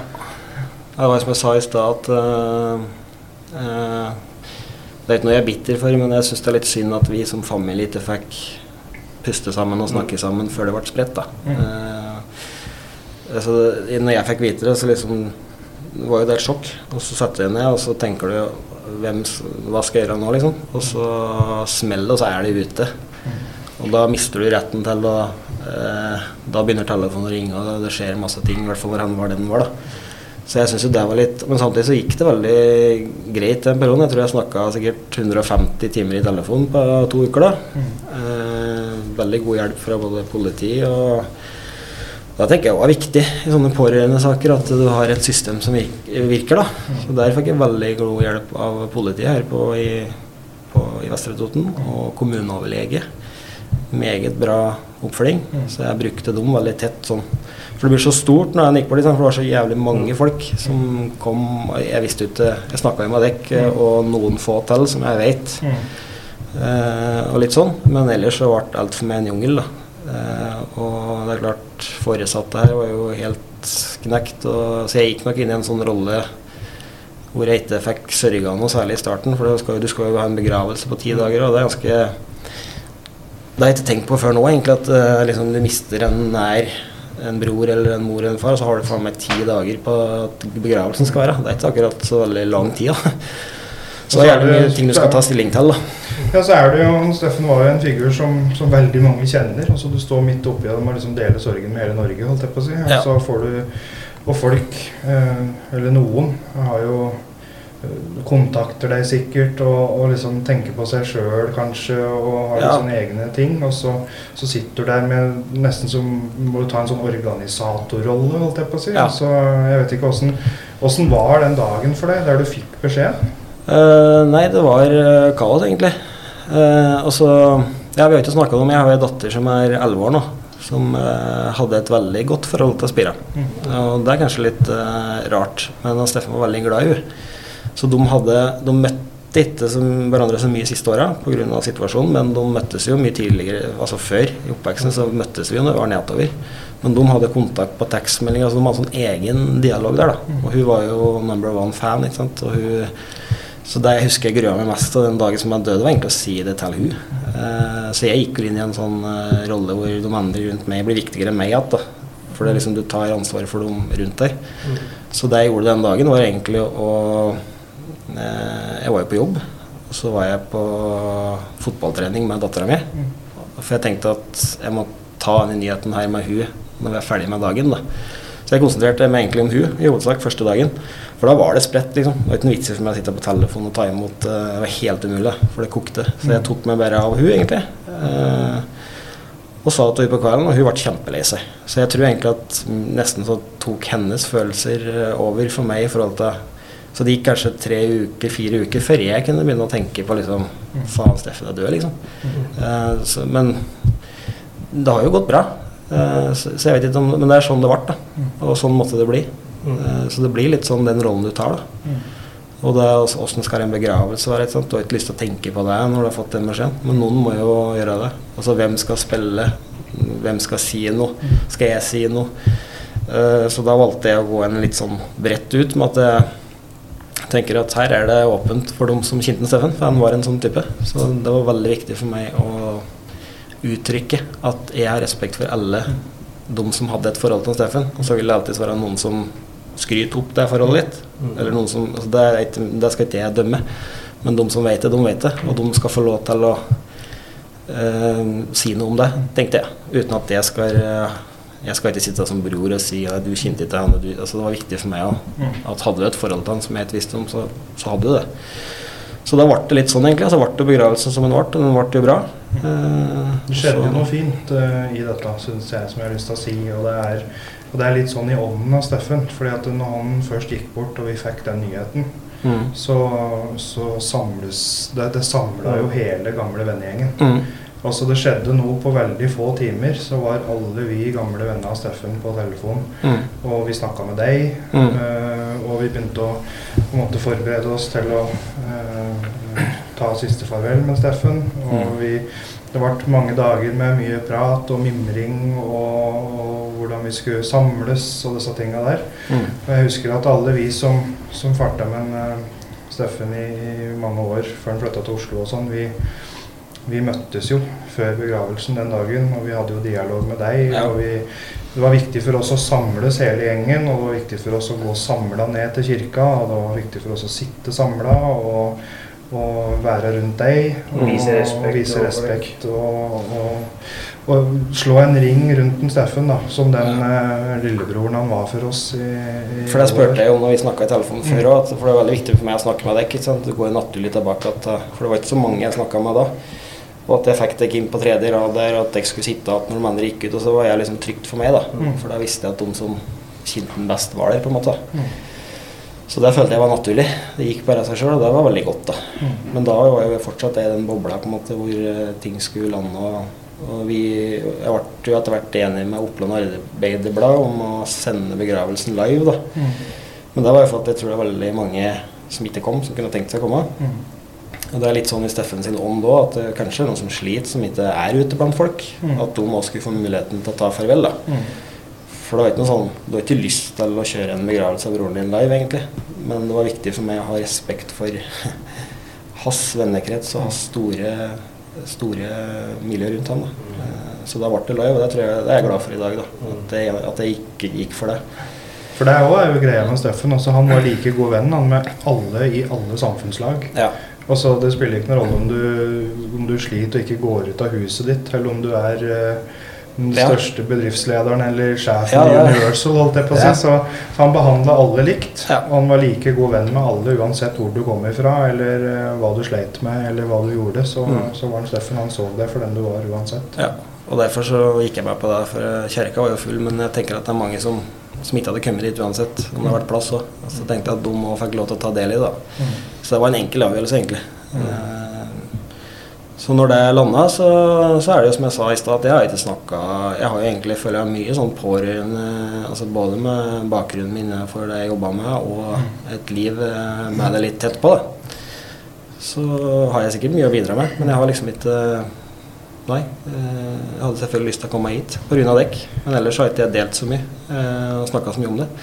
Har du kjent noe på bitterhet i etterkant for at Steffen ikke fikk den hjelpa han trengte, eller ikke innså problemet sitt, eller at ting kunne vært annerledes hvis noen hadde på en måte kommet i posisjon til å hjelpe han, eller uh, at han hadde noen rundt seg som kunne hjelpe han litt ut av det tunge, holdt jeg på å si. Ja, det er jo et veldig godt spørsmål. eh, For det, du kan jo tenke så mye når du, når du mister noen nære. Du kan jo finne på å skylde på andre. Eh, Men jeg har ikke tenkt sånn, heldigvis. Eh, Jeg kunne ha tenkt f.eks.: Er det ingen kompiser som liksom så hvor ille det var, eller Nei, jeg har ikke tenkt i de baner. Eh, For da tror jeg er det dummeste er å begynne å skylde på noen andre. Jeg tror han jeg tror og vet at han bestemte sjøl hva han hadde i seg, og hvorfor han gjorde det. det, det så, men jeg tror det er fort gjort da, at som pårørende at du kan bli, få et sånt hat. Uh, og, og, ikke klare å innse at For jeg tror det er en viktig del av det, da, som, som jeg har klart, som, som jeg vet at uh, er viktig å klare, er å innse at han hadde et problem, sjøl om det er min bror. For jeg kan ikke sitte og si nei, han hadde ikke vært sånn hvis det hadde vært for den og den og den. Det, det blir feil fokus. Men jeg tror mange går den veien, da. så for meg så så har ikke det vært et tema. Nei. Eh, jeg har da sett den sjøl, jeg. Som sagt, jeg så den eh, noen måneder før og syntes at den eh, så ikke så bra ut. Så jeg sendte den til legen. For det var ikke sånn at jeg, jeg måtte jo si noe til den. Jeg synes det var, og da var den jo til legen. Sånn, så, så, utover det så har ikke jeg noe spesiell sånn Nei, jeg bærer ikke nag til noen. og Jeg tror ikke det hjelper å hate, men jeg tror det er lett å gjøre det. Å begynne å og det er det jeg mener med at det er også folk som bruker rus. Vi må litt bort fra den tanken. At uh, det bare er drittfolk som gir faen, liksom. Det er ikke det det er, da. Uh, det er folk som sliter, og som uh, rusen det går bra? Ja. Det er rusen som prater, og det er, det er en alvorlig sykdom som er forferdelig. Så jeg tror vi må angripe på en litt annen måte. Mm. Nei, så jeg har aldri blama noen eller hatt noen sånne tanker, nei. Overhodet ikke. Nei. Familierelasjoner òg hadde sikkert gjort det dårligere hvis de skulle begynt å skylde på noen og begynt å havne inn en krangel overfor slike ting. Ja. Så det er, ikke, det er ikke bra for noen, det heller. Nei, og så vil jo ingenting eh, bringe, bringe tilbake igjen. Mm. Til syvende og sist så har du et valg sjøl om du skal ta, ha i deg noe eller ikke. Og til slutt så tar rusen overhånd, og da er det rusen som bestemmer. Og ikke deg sjøl heller. Nei, så er det lett å sitte og si i etterkant, da. Men øh, jeg, sånn det jeg kan si, er noe om følelsen etterpå. Den har på en måte Jeg har det bra med meg sjøl. Da tenker jeg da har jeg gjort noe riktig. Mm. For jeg kunne jo tenkt, jeg kunne gjort mer, sikkert, ja. Men altså, med den bakgrunnen jeg har, så vet jeg at jeg var der. Og jeg kunne ikke gjort noe mer. Og hvis jeg skulle gjort noe mer, så hadde det gått på bekostning av mine barn. Altså, det er jo liksom, det er et tøft valg å ta. Men, men jeg holdt kontakten og sørget for å treffe den og sørget for at mine barn fikk treffe den osv. Men jeg kan ikke dra broren min inn i en bil og kjøre den en plass, for det hadde ikke gjort noe nytte. Så. Det er jo sånn vi har, jeg har tenkt noen ganger, ja, i forhold til Jeg har jobba med rus disse ti åra. Liksom, mm. Men det er som vi prata om litt før vi gikk inn i studio her, når vi sto ute ved kaffeautomaten, mm. at, eh, at, eh, det er eh, folk liksom Det er ofte at venner liksom begynner å prate sammen. Og så hva er det vi kan gjøre? Åssen skal vi få hjelp? Åssen skal vi få gjort ditt og datt? Mm. Dessverre ingenting. Fordi at Hvis ikke ønsker starter hos han, eller hvis ikke han ønsker å gjøre noe med, med den story, så, så, får du ikke gjort noe. Nei. Og det er som du sa i stad òg, at det, eh, du får gjort, er å på en måte uh, vise at du er der. Og mm. si at du er der. Og jeg er her for deg når du trenger det, eller når du vil. Mm. Men jeg kan liksom ikke støtte deg i rusen, altså være der i rusen sammen med deg, eller eller gjøre noe endring i livet ditt for deg, på en måte. Det tror jeg mange av de som ruser seg, skjønner òg, på en måte. Innerst inne. Og det, det er den skammen som vi prater om, som jeg tror som bør snakkes mer om. da. Mm. For det er ikke folk som oppfører seg dårlig, det er folk som i flesteparten av tilfellene så tror jeg den store, stygge skammen som de føler på, mm. gjør at de trekker seg unna. Mm. Det er ikke at de lever livet en annen plass og har det dritbra og gir faen i alt folk sier, men de har en sånn forferdelig dårlig selvfølelse som gjør at det er utrolig vanskelig å komme ut av. Det tror jeg går an å sette seg litt inn i, en tenker seg litt om. da. Jeg merka òg i etterkant at det var litt sånn vanskelig å forholde seg til. For det, når, du, når, det er en sånn person som er såpass uh, kjent, eller mange har et forhold til, sånn som en uh, Steffen, da, så blir det så mye rykter mm. uh, i etterkant. Eller som du hørte folk sa det ene og det andre. og og da, heldigvis så hadde vi deg å forholde oss til, da, så vi, fikk, ja. så vi, vi satt på på, på, sannheten om hva som egentlig skjedde i dette momentet der. Men det er, det er litt sånn vondt å kjenne på alle rykter og sånn som blir satt ut òg. Og jeg vet at du òg prata litt på det, at det å sitte der som familie og måtte forholde seg til skriverier og Facebook-statuser og sånn som der folk har en mening om hva som skjer og ikke skjer. Og ja, det var utrolig mange som visste mye da, uten å ha sett obduksjonen. Det syns jeg var litt spennende. Uh, men uh, det preller litt av, på en måte. Mm. Eh, det jeg gjorde som var bra, var at jeg forholdt meg til dem som eh, ja, annet jeg snakka ikke med 100 stykk, snakka med 10 stykk. Mm. Og forholdt meg til det, egentlig. Mm. Eh, så sa jeg bare utad respekt for alle som kjente broren min, men mm. jeg måtte gå til dem som jeg vet mm. kjenner noen som var glad i ham. Og da var ikke det så Jeg satt ikke på Facebook og leste og Så gikk det en stund, og så gikk jeg ut med en uh, status der sjøl. Mm. Enkelt og greit. Eh, så jeg syns jeg beholdt roa bra. Så er det jo tida etterpå, når liksom all den oppmerksomheten som kom i forbindelse med at han var borte, da. Han, han var jo ikke en vanlig totning, på en måte. Som bare Så da, da kommer jo litt den sorgen. Der vil jeg tro at alle pårørende, egentlig uavhengig av måten du dør på, så kommer jo sorgen litt når oppmerksomheten legger seg. For livet går jo videre. For oss alle, egentlig. Og som pårørende da, så, så sitter du jo der. Mm. Og da er du alene, på en måte. da. Så, men eh, det som var litt eh, rart for min del oppi her altså, hun, Samboeren min ble jo gravid tre måneder før Steffen døde. da. Mm. Så jeg fikk jo en sønn i april. Mm. Så mitt følelsesregister har vært både høyt og lavt da, for det sånn, det siste året. Mm. Så, så det har på en måte gått sin gang. Men, men det er kanskje å ta vare på folk Jeg har hatt gode folk rundt meg, altså, Mm. men å ta vare på folk etter at den første bølgen legger seg. For Mm. da kommer liksom hverdagen tilbake igjen. Mm. Og Da må du forholde deg til følelser og Altså tanker. da kommer mor, bror eller whatever. Når alle andre liksom Ja, da var han død, og så lever de sitt, sitt naturlig nok. Det skal de jo. Mm, ja, ja. Men da kommer den der stillheten etterpå. Mm. Og da føler du kanskje litt på I hvert fall når du har så mye oppmerksomhet når han døde, at det liksom, plutselig så er det ingen som Du føler at ingen bryr, bryr seg. Men, men folk skal jo leve videre. Så det er jo en viktig del av det, tenker jeg. At en kanskje tar vare på folk etterpå. Og sjekker innom og holder kontakten. For det kan Du var jo vanvittig sterk oppi alt dette her. da. Du var mye, det ble lagt mye ansvar på deg. Ja. ja. Men jeg hadde mye Jeg hadde bra folk i dekk, og jeg hadde har jo familie og ja, en samboer som Så inn på den pårørende-biten. ikke sant? Når du har Hvis du har en eh, Sånn som i mitt tilfelle, at du har en bror som sliter, da.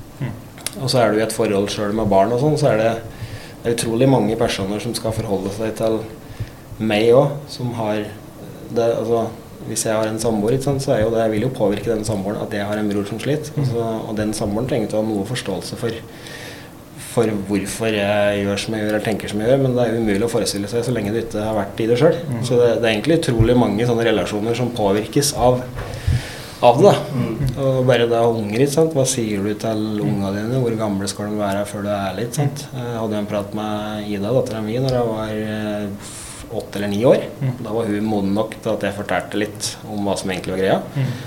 Og da har jo litt med at de skjønner jo ting. Mm. Så jeg tror åpenhet er veldig viktig.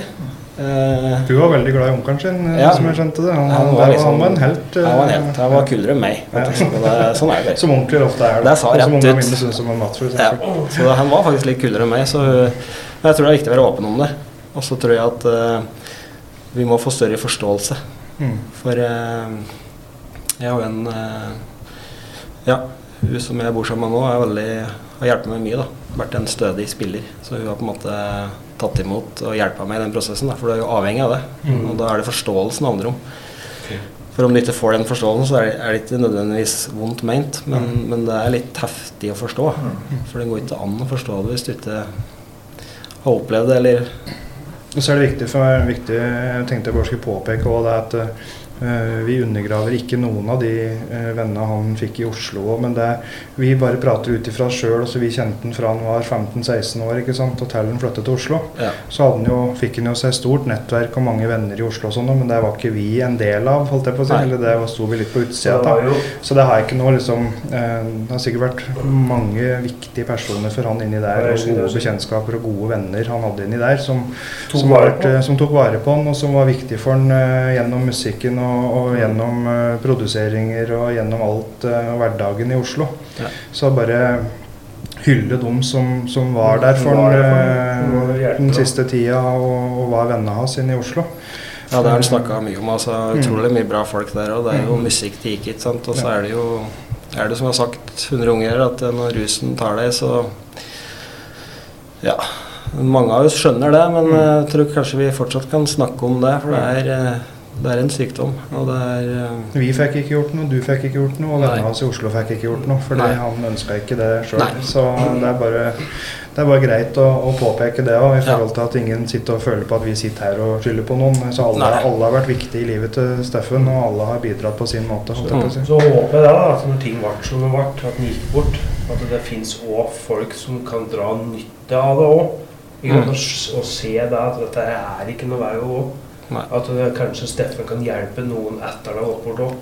Mm. At folk ser det at, det er ikke Det er ikke liv laga, liksom. Han var litt sånn ufrivillig kjendis, han. Mm. han Ja. Jeg fikk aldri inntrykk av at han ønska å være kjendis. Han ønska ikke å altså Hvis han hadde en 200-lapp, han hadde til en sixpack med øl og en baguett eh, hver dag, så var han fornøyd, han. Eh, han higa ikke etter den derre å bli millionær på musikken eller uh, gå rundt og være fet. Og, og liksom, han, han levde i musikken og kun i musikken. Og levde for vennene sine og familien og de han hadde rundt seg. Og var seg sjøl til siste slutt. Liksom. Jeg tror han kosa seg hvis uh, Dekk f.eks. likte den sangen han har lagd. Mm. Så var han fornøyd, liksom. Ja. Uh, og da tror jeg han dreit i hvor mange avspillinger det var. Og, Ja. Og sikkert et mål om å bli kjent, men ikke i den, på den måten. Nei. Jeg tror bare at eh, do, om det var 10 eller 150 som likte sangen, så var det de 10 som likte den, som Mm. Det ga han mye, da. Og jeg var jo også veldig ærlig med han om musikken, for jeg har hørt masse på musikken Altså. Så Og jeg er jo fortsatt ærlig på det. Mye som jeg syns er ikke noe for meg, men noe er dritbra, liksom. Eh, Så vi snakka mye om musikk. Mm. Og jeg tror det betydde noe for alle at Og så er det jo kanskje sånn litt snevrere publikum, den type rapptreff. Det var de veldig opptatt av òg, for det er jo den musikken de vil lage. De vil ikke lage noen sånn derre ja, Nå skal ikke jeg henge ut noen artister her, da, men eh, altså, det var viktig at det var rapp. Og det var og det er jo kanskje ikke det som spilles mest av på radioen heller, ikke sant? Men, eh, så de var veldig tro mot sjangeren. Og, Tro mot seg sjøl. ja, og det syns jeg òg er eh, ganske beundringsverdig. Da. At, for da, da har de jo passion. Han prøvde ikke å kommersielle, eller kommersielle seg sjøl, si. Han, han holdt seg til sin greie og, Ja. og lagde musikk ut ifra hvor han var igjen i livet, og åssen Mm. han kjente seg, og åssen følelsene så ut og føltes og ja, i det hele tatt. Ja. Nei, så det er det med den skammen som jeg tenker at må bli, må bli det vi må ta litt mer seriøst og ta litt mer på alvor. For den Mm. tror jeg er undervurdert. Mm. Eh, Så det er det jeg har følt på, i hvert fall. Mm. Og hvis jeg skulle si noe, så tenker jeg hvis jeg skal hjelpe noen, eller For det er mange pårørende. Mm. Og det er ganske tungt å være pårørende nå. Mm. Det er det.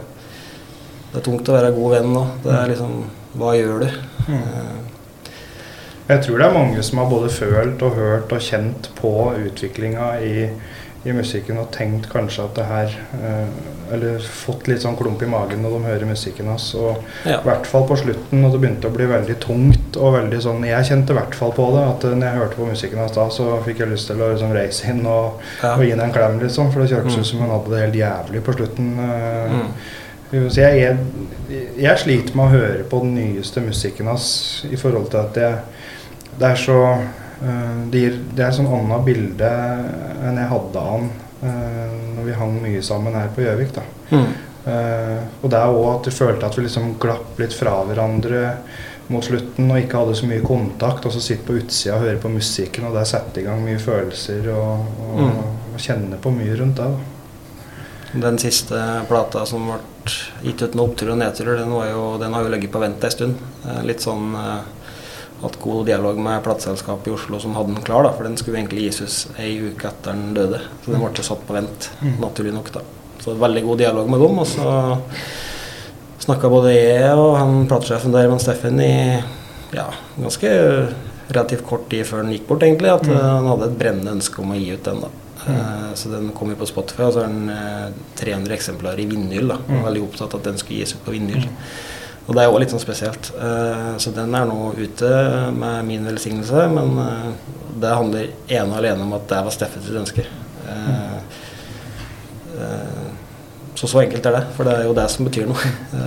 Det er som han sier i en, eller de sier i en sang, liksom, han har kontroll helt til du mister den. Ja. Altså, han følte sikkert at han hadde kontroll og levde det livet han ønska å leve. Mm. Men på et eller annet tidspunkt så mista han jo kontroll og fotfeste på, på det livet. Da. Mm. Og da sklei det for mye ut. Mm. Ja. Det er ikke noe det er som sagt, det finnes ikke noe fasit på dette med å være en rusmisbruker eller være borer eller noen ting. Det som er at det er Det påvirker mange. Jeg sitter med fryktelig mye minner knytta til en Spira. Eh, kanskje mest av nesten alle jeg kjenner. Han har vært med på Og så du, du har liksom venner som du Noen er, har du opplevd det med, noen annen ting har du Mm. opplevd det med. Steffen var med på alt, da. Ja. Altså, han var støtt med. Ja. Eh, så liksom om jeg var ute på det med domkompisene, så var han spira med der. Og var jeg ute på det med domkompisene, så var han med der òg. Mm. Så jeg har liksom fryktelig mye gode minner med en Spira. Mange fester, vi har hatt det mye moro sammen. Mm. Vi har hørt på mye musikk sammen. Jeg har vært på konserter med han. Han har vært med på mye som har skjedd i vårt liv. Mm. Um, så jeg sitter igjen med fryktelig mye gode minner fra broren din. Ja. Um, og det skal jeg ta med meg Jeg har alltid. snakka med mange av oss. Jeg tror jo det som er litt godt å vite etterpå, at han var jo òg viktig for mange. Mm. Uh, og det er jo godt å høre. Det var mye viktig for meg òg. Jeg var jo mye med på dagtid. sånn. Vi var jo jevngamle. Mm. Hadde var førerkort bil, og vi hadde masse turer og slikt sammen. Så det ble mye sånn prat utenom at det var fest og rus i bildet. Mm. Så jeg ser veldig pris på de stundene som vi hadde som ikke var preget av noe annet. Ja, han brydde seg om andre, da. Det var jo en viktig egenskap han hadde. Så det er jo noe med å Og så vil jo på en måte rusen jevne ut det etter hvert, da. For det er naturlig, men uh, som person så var han jo sånn at han brydde seg like mye om andre som seg sjøl. Han har jo to sanger som jeg nesten griner hver gang jeg hører. Og det er den der 'Noe spesielt å be for meg'-sangen. ja. Som han satt og skrev på hjemme i leiligheta vår når jeg og Mats bodde sammen. Mm. Og den, den, liksom, den, har, den har jeg spilt mange ganger opp gjennom den. Og den er får frysninger nå òg når jeg prater om det. Og det er liksom, Han har jo utgitt mye musikk, og liksom dette her er jo ikke blant hitsa hans eller liksom vært på album. Nei. og sånn sett. Men dette er noe som på en måte representerer den uh, tida vi hadde med en Spira helt i begynnelsen. Mm. Og når han liksom satt med tanker om å bli popartist og liksom starta den uh, reisa i livet, holdt jeg på å si, Mm. så er det liksom de sanga som, som uh, har satt spor hos meg. da, Og jeg kan, jeg kan nesten ikke høre på den en dag i dag uten at jeg liksom får frysninger og, og kjenner på tårer og alt Og det er de sangene jeg husker best òg. Ja. For det var liksom den gladtida, og det var liksom eh, Det var ganske tøft, da. Vi har det spilt inn musikk på et slitne studio med ut på Biri der. Ja, Det er det, altså, altså låta som kom da, Ja. sammen med nabolaget. Og, ja, det var vanvittig. Det det låter, altså. det er nok det som sitter dypest og tøsk, som vi husker best. Ja. For det, det gjør jeg òg. Så, så i perioder så tenker jeg jo sånn Du burde ha samla sammen en del og gitt ut noe på nytt. Og, men det er en jungel, da. Så, så nå har det nå gått et år. Tida har gått fort. Mm. Så vi får se litt. Og, eh, Hadde vi moro hvis det kom ut noen gladlåter da, som var gjemte ja. gode slagere et stand. Jeg er helt enig med deg. at Det er jo mye musikk der som fortjener å på en måte Mm. få en runde til uh, fram i lyset, holdt jeg på å si. Og en del ting som kanskje ikke har Eller deriblant også to sanger her, da, som, som Ja. er på en måte litt sånn amatørmessig spilt inn. Og det Ja. er liksom, men det gjør noe allikevel, da. Det er jo spesielt for Østlandet. Ja. Noe som er ikke sikkert noen som hører på det utenfor syns det er det er bra låter litt, men det er jo helt greie rundt. ikke sant? Det er jo Ja, altså, jeg har tenkt den tanken mange ganger, jeg, å samle det sammen litt. Og, og så er det at det er, det er mye, da. Og så er det mye bra som, som var påbegynt òg. Mm. Eh, så vi får se hvor vi kommer, og da tenker jeg at eh, så har du den tanken med at, eh, at eh, jeg har liksom lagt det helt dødt. For jeg skal jo ikke gi ut noe for å tjene noe, eller altså så jeg, når vi ga ut en opptur og nedtur nå, så var jeg veldig tydelig på at om det skulle bli en overskudd, så har jeg lyst til å gi det til en veldedig organisasjon da, som jobber innen rus eller, eller altså helse generelt. Da. Eh, mental helse eller eh, rus, arbeid. Eh, så, men det handler egentlig om bare å få ut den gladsida nå, da. For det, var, det er jævlig mye som ikke er gitt ut, og det er mye kult. mm. Det er så fort gjort å glemme, glemme den sida av Spira. når vi Liksom, det er jo ofte det som har skjedd, på slutten, som sitter ferskest i minnet holdt jeg på å si, Ja. at folk. da.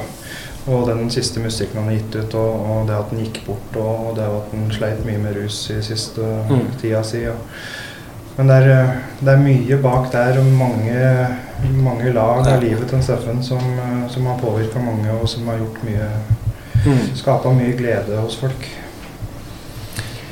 Så er med deg, Espen Haug.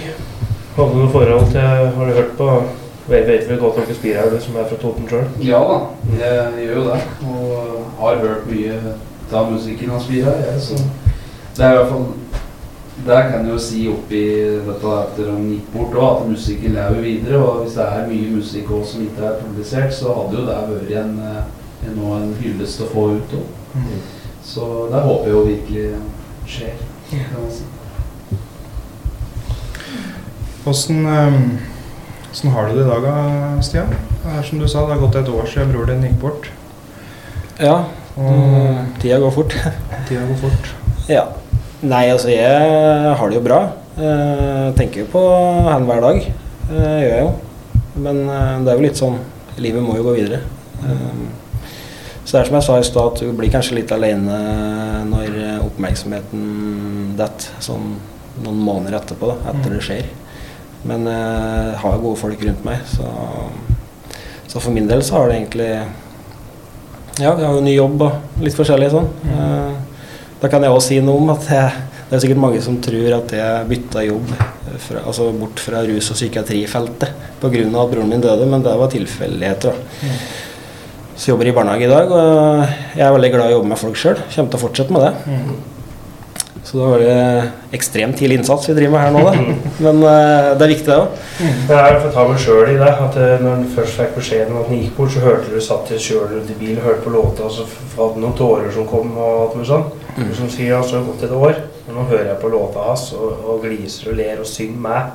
Ja. Ikke sant? For det, det, er som Mm. For det er eh, Den sorgbiten går over til at du kun husker de gode tinga, og ikke har fokus på dette med rusen lenger og liksom sånne ting, men at du bare gliser og har det moro.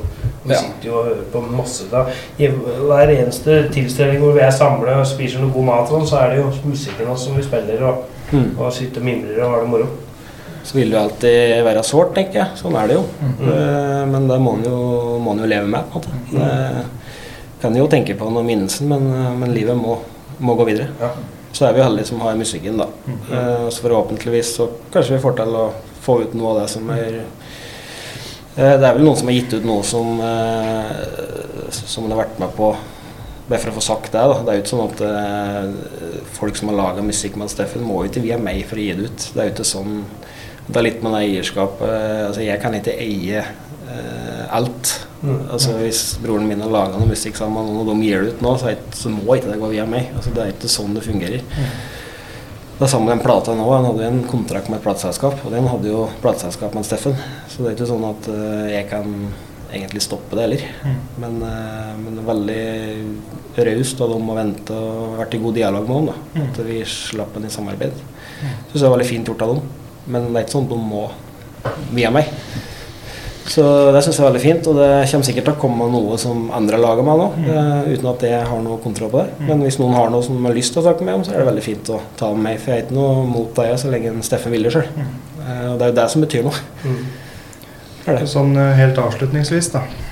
Ehm, jeg tenker at dette har vært veldig fint at du kom hit i dag, Stian. Og jeg har satt veldig pris på at du var så positiv og ønska å komme hit sjøl og si noe om eh, både deg sjøl og familien og broren din og, og musikken og i det hele tatt. Eh, så tenker jeg at dette her eh, er en fin måte å hedre en Steffen på. Mm. Og i tillegg eh, at eh, vi får satt fokus på dette med rus og psykisk helse, og veldig gode betraktninger du har om, om hva det innebærer.